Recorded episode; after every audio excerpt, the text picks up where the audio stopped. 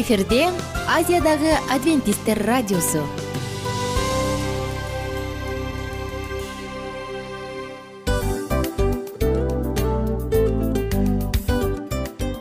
Достор салют. Баардык сүйүктүү угармандарыбызга салам айтабыз. Кутман күнүңүздөр менен. Ден соолук өмүрдүн булагы демекчи саламат саамы программасында баарыңыздарды көргөнүбүзгө абдан кубанычтабыз. Анда алгач амандашып өтөлү арбаңыздар деп. Ден соолугуңуздар кандай элибизде көбүнчө ден соолук кандай дегенде эле жакшы деп жооп беребиз э? ооруп турсак дагы жакшы дейбиз. Анан мен муну айтып ойлойт элем бул абдан сонун сөз депчи анткени бул жакшы деген үмүт да э ооба баары жакшы болот. Баары сонун. Деп үмүттөнүп атып эле өзүбүздү өзүбүз дарылап коебуз. Анысы кандай? Сиздин дагы ден соолугуңуз жакшы беш деген үмүттөбүз чындыгында ден соолук бул өмүрдүн булагы деп бекеринен айтылган эмес деп ойлойм. Кыргыз элинде анткени эгерде ден соолук жок болсо анда адамдын жашоосунда калган баардык керектүү маңыздуу нерселер өзүнүн баалуулугун жоготуп коет. Ошондуктан ден соолук бул эң керектүү нерсе. Ооба туура айтасың кесиптешим. Чынында ден соолугуң жок бир эки үч күн ооруп калсаң эле кандай болуп калат? Жашоодо көз каранды болуп каласың көп нерсеге жетишпей каласың көп нерсени кыла албай каласың жада калса эшикке дүкөнгө да чыга албай каласың. Туптуура анан ден соолук болсо демек биз биздин бактыбыз тоодой деп койсок болот. Анда достор саламат саамы рубрикабызды баштайлы. Алдыда өзүңүзгө керектүү болгон сонун кеңештерди уга аласыздар. Мына ошондуктан биз менен бирге болуңуздар. Ал эми биз болсо милан жана айнура. Кеттик алга. Алга саламат саама ден соолуктун жарчысы. Саламат саама ден соолуктун ачкычы. Күн сайын сиз үчүн мыкты кеңештер сонун жаңылыктар кызыктуу фактылар биздин рубрикада.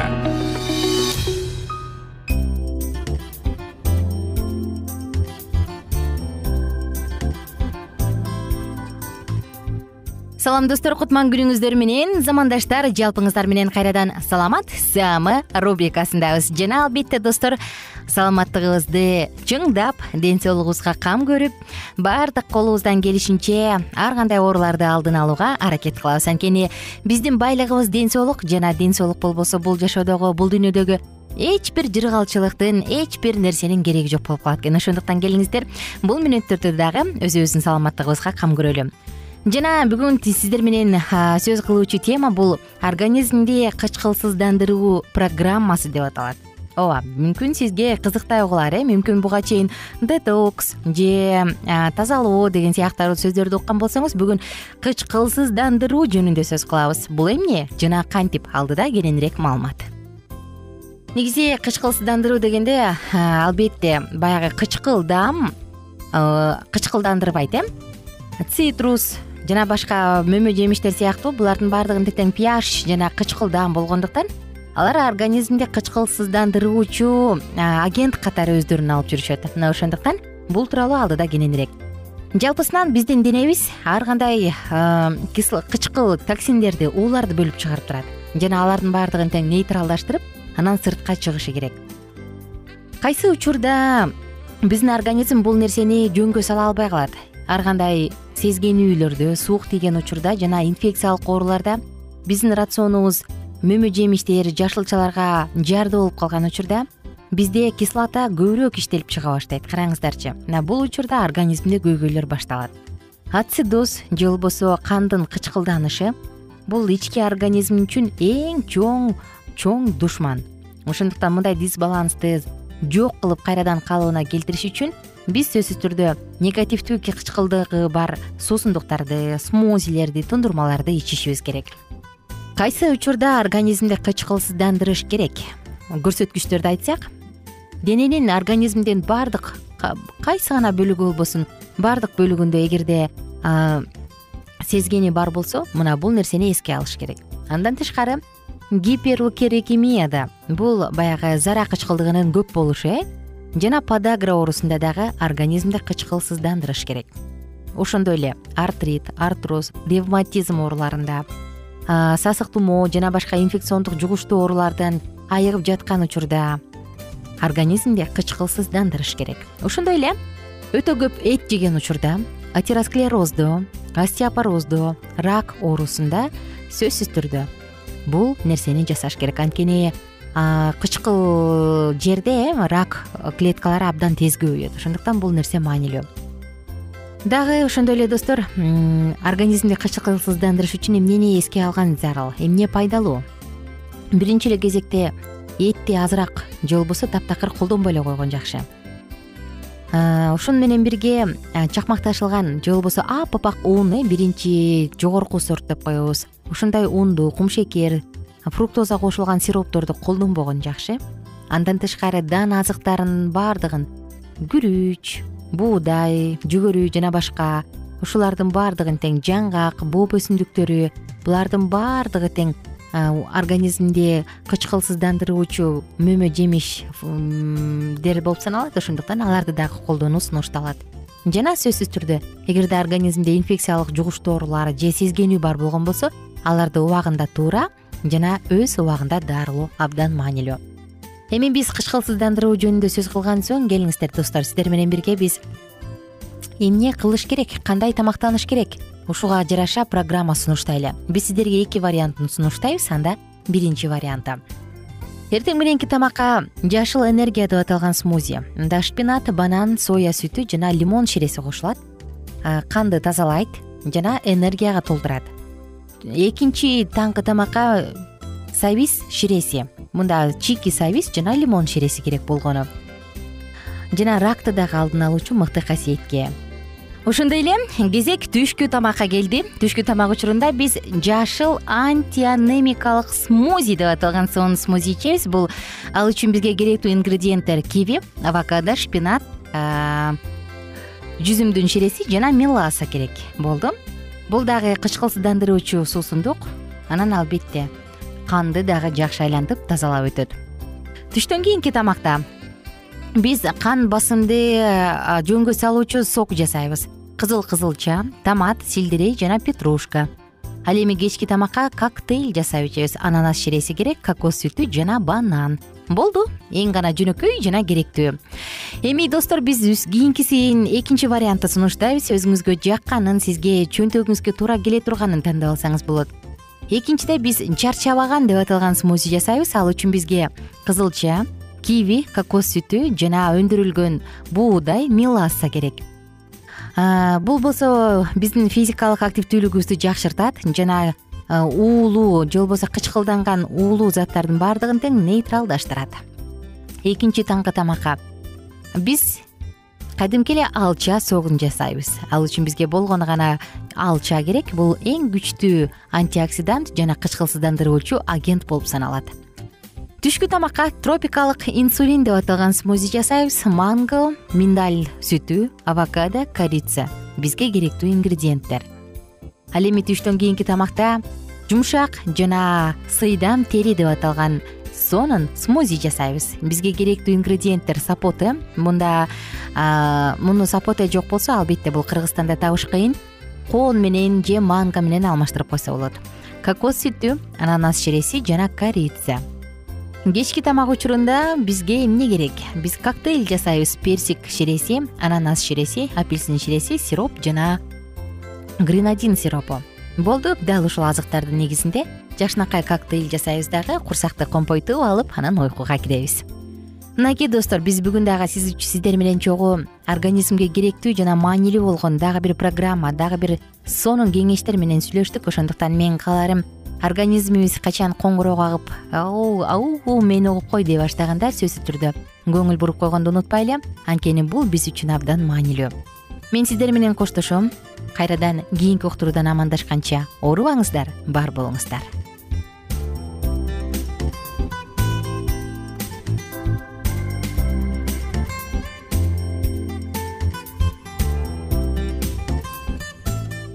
кененирээк маалыматтар үчүн үч w чекит саламат чекит клуб сайтына келип таанышыңыздар.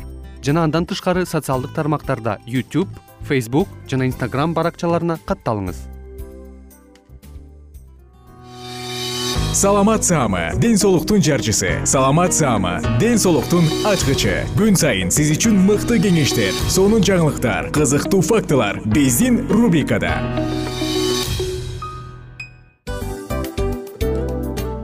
салам достор. Кайрадан биздин сүйүктүү рубрикабызга кош келиңиздер деп айтмакчыбыз. Баардык замандаштарыбызга арбаңыздар деп саламыбызды айтабыз. Улуу ушундай бир урматтаган учурашуу менен анан дил маек радио баракчабызга чакырабыз. Негизи дил маек биздин рубрикабызда эмне жөнүндө кеп кылабыз бул дил маектин мааниси эмнеде рубрикабыз менен кичине тааныштырып кетсеңиз. Сөзсүз түрдө тааныштыра кетейин. Кесиптешим суранычы боюнча бул учурда бул радио баракчада биз ар тарап кесип ээлеринен сонун кеңештерди алабыз сүйлөшөбүз сырдашабыз. Аталарыбыздын эжелерибиздин апаларыбыздын кеңештерин угабыз айтор. Жан дүйнөгө адамдын э, сапатына адамдын деги эле адам болуп жашашына керектүү баардык кеңештер алдыда. Негизи э, дил маек дегенде баягы эки адамдын ортосундагы сырдашуу кенен сүйлөшүү. Негизи эле биз адамдар бири бирибиз менен бир жерге жай жерге отуруп алып өзүнчө тынч э, жашоо жөнүндө өмүрүбүздө эмне болуп атканын бөлүшкөнү жакшы көрөбүз э адамдар. Ооба туура айтасың анан мындай учурга кээде убакыт да жетпей келет э. Же болбосо сырыңды кайгыңды муңуңду кубанычыңды айткың келет а адамга ишенбешиң мүмкүн. Ооба. А бул радио баракча угармандарыбыздын чыныгы досу. Анткени бизден алган кеңеш сиздин жашооңузга чоң жардам берет. Ал эми сиздин бизге айта турган сөзүңүз ортодо гана сыр бойдон калат. Ошондуктан биздин дил маек рубрикабызга дагы бир жолу кош келиңиздер. Жана биз даярдаган маалыматтарга даяр болуңуздар. Айнура жана милан сиздер менен бирге алдыга кеттик ар түрдүү ардактуу кесип ээлеринен алтын сөздөр жүрөк ачышкан сыр чачышкан сонун маек дил маек рубрикасында.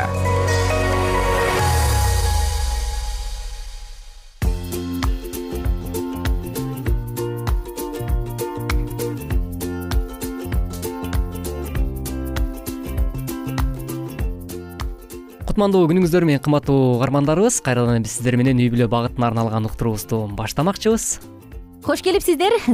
Салам достор. Жалпыңыздар менен биз жагымдуу дил маек рубрикасын баштадык. Мен дароо эле мурунку уктурууну уланткым келип турат. Мурунку уктуруубузда биз үй бүлөдөгү конфликттерди чечүү жөнүндө сөз кылып анан кесиптешим улан сен сонун бир мисалды айтып берип атпадың белең ооба америкалык адам элүү сегиз жылдан бери жубайы менен жашап келет экен.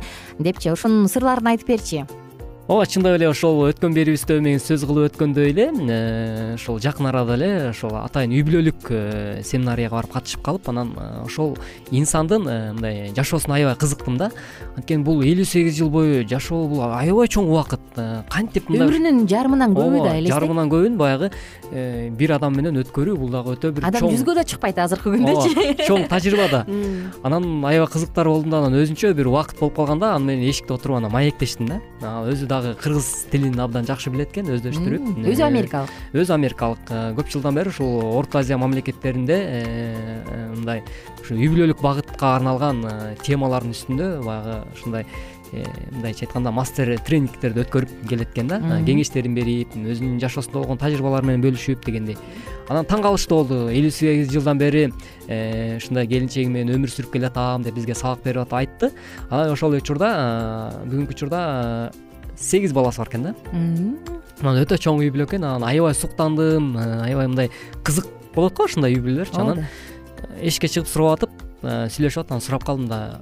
Сиз кантип элүү сегиз жыл никеңизди таза сактап мындай ажырашып кетпей анткени ар кандай көйгөйлөр болот го. Мисалы бүгүнкү күндө э, беш алты жыл жашап он жыл жашап жыйырма жыл жашап отуз жыл жашагандан эле кээ бир үй бүлөлөр ажырашып кетип атпайбы.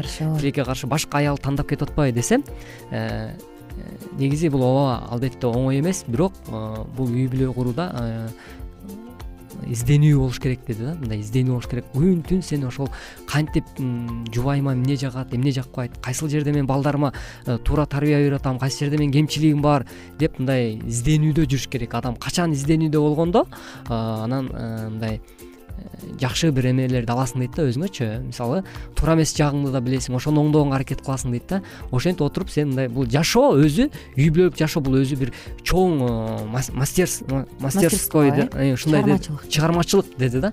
Анан чындап эле деп анан мен да өзүмө мындай мындан аркы жашоомдо чын эле мен мындан аркы дагы канча жыл жашаган убакт э, жашасам да ошол убакта кичине көбүрөөк изденүүдө болушум керек экен баягы айтып коюшат го жакшы эркектин аялынан жанынан аял гүлдөйт деп э жаман эркектин жанында аял тескерисинче мүңкүрөйт чөгөт депчи. Анысы кандай?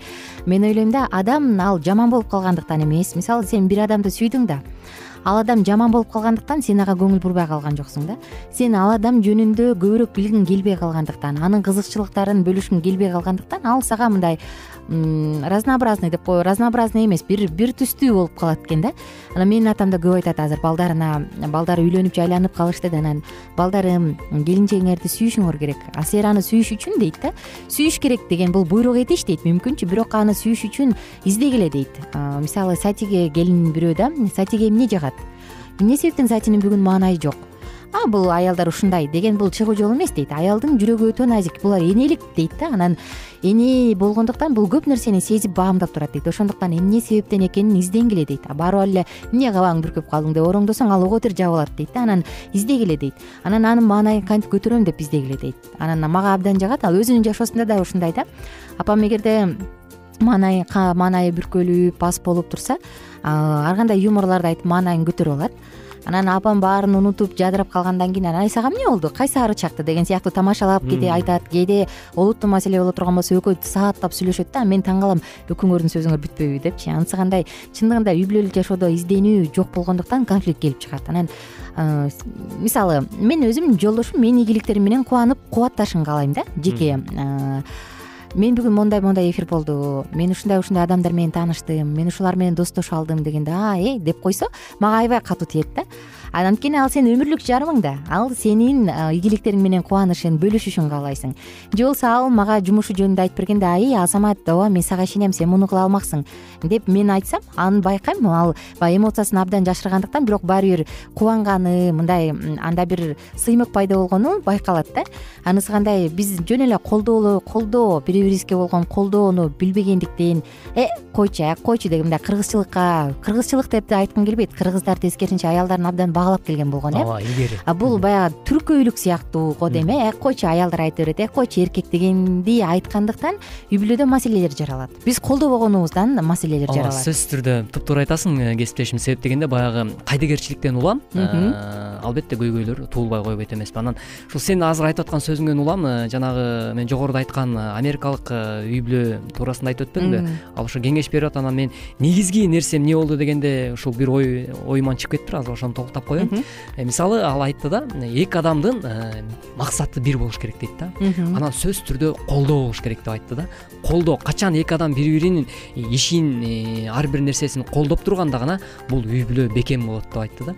Анан чындап эле эгерде максаты дагы бир болбосо үй бүлөдөчү анан бири бирин дагы колдобосо. Мисалы сен э, ооба ошол эле учурда ар бирибиздин кесибибиз ар түрдүү болушу мүмкүн.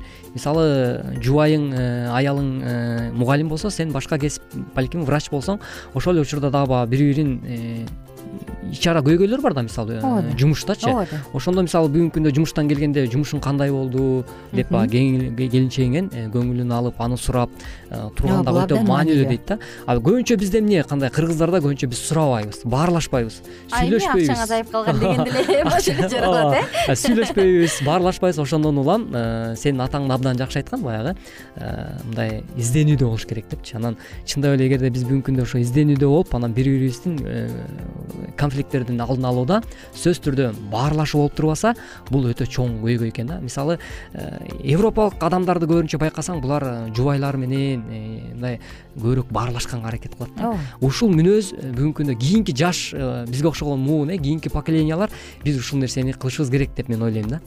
Жакшы. Баарлашуудун жетишсиздиги конфликттин дагы бирден бир себеби биз бул тууралуу кийинки уктуруубузда уланталы азыр болсо коштошобуз достор. Күнүңүздөр көңүлдүү улансын. Ынтымак бар жерде ырыс бар деп бекер айтылбаса керек ошондуктан конфликттен алыс бололу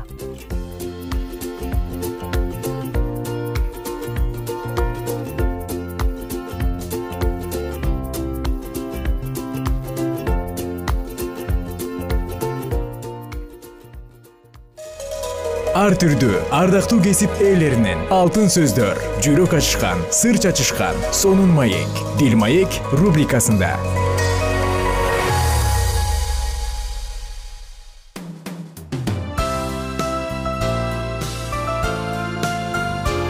эфирде азиядагы адвентисттер радиосу.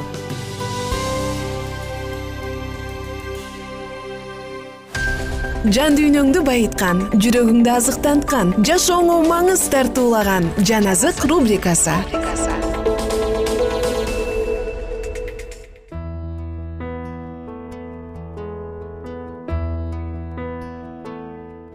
кутмандуу күнүңүз менен кымбаттуу угарман кайрадан эле биз сиздер менен жан азык уктуруусунда үн алышып жатканыбызга кубанычтабыз кесиптешим кайрадан эле айнура экөөбүз бүгүнкү программада жамандыкка жакшылык аттуу темабызды улантмакчыбыз салют достор жалпыңыздарга сагынычтуу салам айтабыз. Жана албетте темабыз эң сонун темалардын бири. Мына ошондуктан бул теманын алкагында дагы сөз кылмакчыбыз.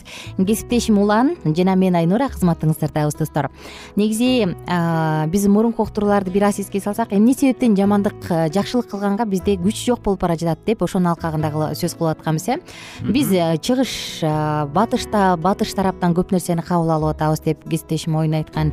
Мен айткам биздин жан дүйнөбүз жакырланып бара жаткандыктан балким ушундай болуп аткандыр деп. Келиңиздер анда бүгүн дагы ушунун алкагында сөз кылалы эмне себептен биз жакшылык кыла албай баратабыз? Жакшылык кыла албайбызчы чындап эле буга чейинки программада да кесиптешим өзүң э, ушул эмне себептен э, бүгүнкү учурда адамдар жакшылык кыла албай калды деген э, суроону маселени койгонсуң өзүң айтып өткөнсүң ушул сүйүүнүн жоктугунан депчи. Чындап эле акыркы учурда алыска барбай эле мисалы тааныбаган адам эмес өзүңдүн баягы туугандарың туугандарың жакындаш деп коет го. Бир эненин курсагынан чыккан бир үй бүлөдө баягы көп балалуу э, болобу аз балалуу эмес бул жерде. Негизинен эле кыскасы үй бүлөдө мындай сүйүүнүн жоктугунан көп мындай көйгөйлөр жаралып атканын бүгүнкү күндө көрсөк болот да бул ар бир эле үй бүлөдөнчү туура айтасың. Ошондон улам бири бирине мисалы кастык болуп керек болсо ошол эле бир туугандар жакындаш бир туугандар бири бири менен ар кандай маселеде э, бири бири менен соттошуп бири бири менен бет карашпай калган дагы байлык талашкандар бар. ооба бет карашпай калган үй бүлөлөр бар да. Ошолорду көрүп туруп э, чындап эле ушундай бир ойго келесиң э, чындап эле бир туугандык сүйүүнүн мамиленин жоктугунан улам ушундай көйгөйлөр жаралып жатат депчи. Баягы айтат го ынтымак жок үй бүлөдө бул ырк кетет деген сыяктуу эле. ооба. Чындап эле баягы ырктын кеткендигин мындай бүгүнкү учур чагылдырып жаткандай да анан дагы бир себеп мен ойлойм адамдар биз эгоист болуп өзүбүздү абдан сүйүп э өзүбүзгө көбүрөөк көңүл буруп мага мага мен деп калгандыктан дагы бул нерсе пайда болуп атат окшойт. Мисалы бул акчаны ага бергенче ага андан көрө мындай кылып алайын. Барып анын үйүн баягы үйүн салышып үй тургузуп келгенче андан көрө ал убакта мен уктап алайын. Же андан көрө саунага барып келейин деген сыяктуу. Мен ойлойм көбүрөөк учурда биз баягы курмандыктуулукка барбастан өзүбүздү көбүрөөк сүйүп эгоизмден дагы өсүп кеткендигинен болуш керек э? Бул мисалы жогоруда сен айткандай эле акыркы учурда сен өзгөчөсүң сен укмушсуң деген бир ой сени деген эч ким капа кылбаш керек сен өзүңө өзүң турганды билишиң керек деген сыяктуу бир психологиянын бир тармактары да пайда болуп кетпедиби ооба. Бул нерсе дагы мен ойлойм албетте бул жакшы. Адам өзүн сыйлабаса адамды башканы сыйлаганды билбейт. Бирок анын бир жагы өтө ашыра кетсе баягы адамдык сапаттан бийик туруп кетсе анда бул бир аз коркунуч жаратат го дейм. Демек өзүмчүлдүккө алып барат деген ойду өзүмчүлдүк ооба өзүмчүлдүк дагы ошол жакшылык кылганга бизди сараң кылып коебу дейм. Анан дагы бир нерсе мен ойлойм дүйнөнү сүйгөндүк э дүнүйө дүйнө дегенде эле бул жашап аткан ааламды эмес жалпы эле акчаны кудай кылып алгандыктан акчаны сүйүп кеткендиктен дүйнөкордуктан дагы мүмкүн бул нерсе пайда болуп аткандыр чындап эле ушул жерден аябай сонун маселени козгоп өттүң кесиптешим.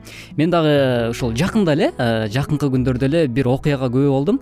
Менин эле жакын саналаш э, жора жолдоштордун арасынан э, бир ушул мени менен мамиле кылып жүргөн адам мага өзүнүн мындай ички жан дүйнөсүндө болгон баягы тууганына карата болгон бип бир тууганына карата болгон бир ушундай нааразычылык нааразычылыгын айтып алды да анан ал мынтип айтты да ошол эмне себептен нааразы болгонунчу ал айтат менин жакын бир тууганым дейт э, төрт жүз миң сом атайын кредитке алды дейт да. Анткени биз э, чоң унаа сатып алганбыз дейт э, атайын бизнес үчүн дейт да.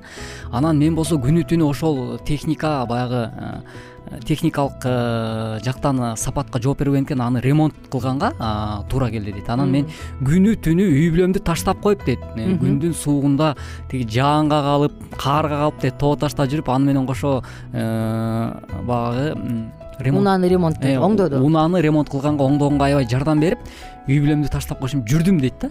Анан кредит алды дейт. Жети жүз миң сом алгандан кийин жок дегенде мага бир жети жүз сом деле берип койбойт дейт эми баягы чай чемек ичип кой депчи. Хотя бы бир миң сом деле берип койсо мен ошого ыраазы болот. элем дейт да. Анан бип бир тууганым мага ушундай мамиле кылганын көргөндө анан мен ойлодум дейт мени бул жөн эле колдонуп эле өзүмчүл болуп калган турбайбы бул адам депчи. Анан агама ушунчалык ачуум келгендиктен экинчи мен сага эч убакта жардам бербейм эмне болсоң ошол экинчиби деген экен да. Э, күйүп күйүп мындайча айтканда баягы күйүп бышкандан ушундай бир эмесин айтып алды да магачы анан мен ошондон ойлоп калдым. Жогоруда сен айткандай эле бир туугандардын бири бирине карата болгон мындай күйбөстүгү э, ошол эле учурда баягы эгоист болуп калгандыгынан улам адамдардын жүрөгү э, бара бара мындай таш жүрөккө ооба таш жүрөккө айланып баратканын мындай көрүп алат экенсиң да. Анан ушундан улам мындай өзүңө дагы тыянак чыгарып баштайт экенсиң чынымды айткандачы мындай. Мен дагы бүгүнкү күндө кандай абалда жашап жатам мен дагы билинбеген менен бир сараң болуп эгоист болуп бараткан жокмунбу деген э, ой келет экен анан. Бул нерсени да мен ойлоп калдым бул жөн болгон жок анткени бул менин жашоомо дагы кандайдыр бир сабак болуш керек деп мен өзүмө карата ошондой алдым да. А ушул эле биздин жакын чөйрөбүздөгү айлана чөйрөдөгү адамдардын ушундай окуялары биздин жашообузду да мындай тарбиялаш керек деген бир ойдо калдым да. Туура айтасың негизи эгерде баягы айтып коет го акылдуу өзүнүн башынан өткөрөт дейт анан акылдуу болуп а деп тажрыйбалуу болот. Акылман болсо башка бирөөнүн жашоосун көрүп туруп эле айланып өтүп анан акылман болот деп жанысы кандай э. Жашообузда ар кандай учурлар болот жашообузда өйдө ылдый учурлар болот анан дайыма эле жамандыкка жакшылык менен жооп берүү оңой эмес. Бирок ошентсе дагы бул мүмкүн экен. Мисалы белгилүү адамдардын жашоосун эң белгилүү инсандардын жашоосун карап отуруп туруп чын эле ал жеңе алган деп айтабыз анан э, мисалы жамандыкка жамандык менен жооп бере берсең аягы эмне болот? Жогоруда сен айткандай көр адам дегендей эле көргө барасың да. Душмандык кастык тукум кууп уланат э, анан акырында жамандыкка барат. Ушул тууралуу биз кийинки уктуруубузда дагы улантабыз э? Анан кийинки уктурууда мен ушу бир бир тасмадан кичинекей үзүндүнү эстеп кеттим азыр айтып атып жок ошол жөнүндө да бөлүшкүм келип турат. Ал эми угармандарыбыз менен болсо азырынча коштошконго дагы аракет кылалы эң сонун ал эми урматтуу угармандар сиздер болсо жан дүйнөңүздөрдү дайыма жакшы э, нерселер менен байыта бериңиздер деген тилек менен бүгүнкү уктуруубузду жыйынтыктамакчыбыз. Достор жалпыңыздарды кийинки уктуруубузга чакырабыз. Кийинки уктурууда ушул эле теманы андан ары улантабыз эмне үчүн биз жамандыкка жамандык менен жооп беребиз жакшылык менен жооп бере албайбыз? Эмне үчүн бизге жакшылык кылуу оор негизи? Келиңиздер ушул жөнүндө бирге талкуулайлы ага чейин жалпыңыздардын күнүңүздөр көңүлдүү улансын бар болуңуздар жана бай болуңуздар. Кайрадан амандашканча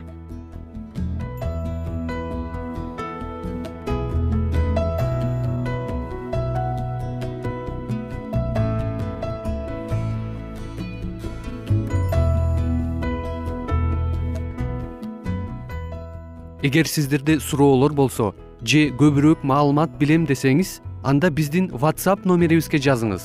Плюс бир үч жүз бир жети жүз алтымыш алтымыш жетимиш. Кайрадан плюс бир үч жүз бир жети жүз алтымыш алтымыш жетимиш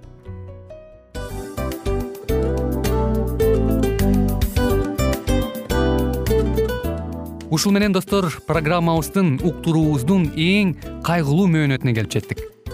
Кайгылуу дегенде ыйлагым келип кетти кесиптеш. Кадимкидей. Анткени баягы учурашасың анан коштошуу учур келгенде ии кантип ии эми эми бат баттан келиптир э сагындырбай деп атып араң коштошобуз го анысы кандай угармандарыбыз менен коштошчу учур келди. Кийинки уктурууларды сагыныч менен жүрөгүбүздө кусалык менен күтөбүз жалпыңыздарды анан жарым сааттык уктуруу көз ачышым канча өтүп кетти. Сөзсүз бирок бизде жакшы кабар бар. Кийинки уктурууларыбызда сөзсүз дагы кезигишебиз. Анткени биз көптөгөн сюрприздерди кызыктуу маалыматтарды жана керектүү керектүү нерселердин көпүнчөсүн даярдадык. Андай угармандарыбыздын баардыгына ийгиликтүү күн каалайбыз. Эгерде бүгүнкү күнүңүз өзгөчө э, өтүшүн кааласаңыз анда позитивдүү ой жүгүртүп жылмайып жакындарыңызга жакшы маанай тартуулап жүрө бериңиз анткени сөзсүз түрдө мунун арты кайтат э? Сөзсүз. Баягы ден соолугуң оңолот ал бул деп көп нерсени санап келебиз. Эң негизгиси бул сиздин жашооңузду жаркын кыла түшөт экен. Жараткан кудай ар бирөөңүздөргө батасын берсин жашооңуз ийгиликтүү болсун сак саламатта калыңыздар деп мен милан жана кесиптешим айнура. Баардыгыңыздар менен кийинки уктурууда үн алышканча. Баарыңыздарга ийгилик каалайбыз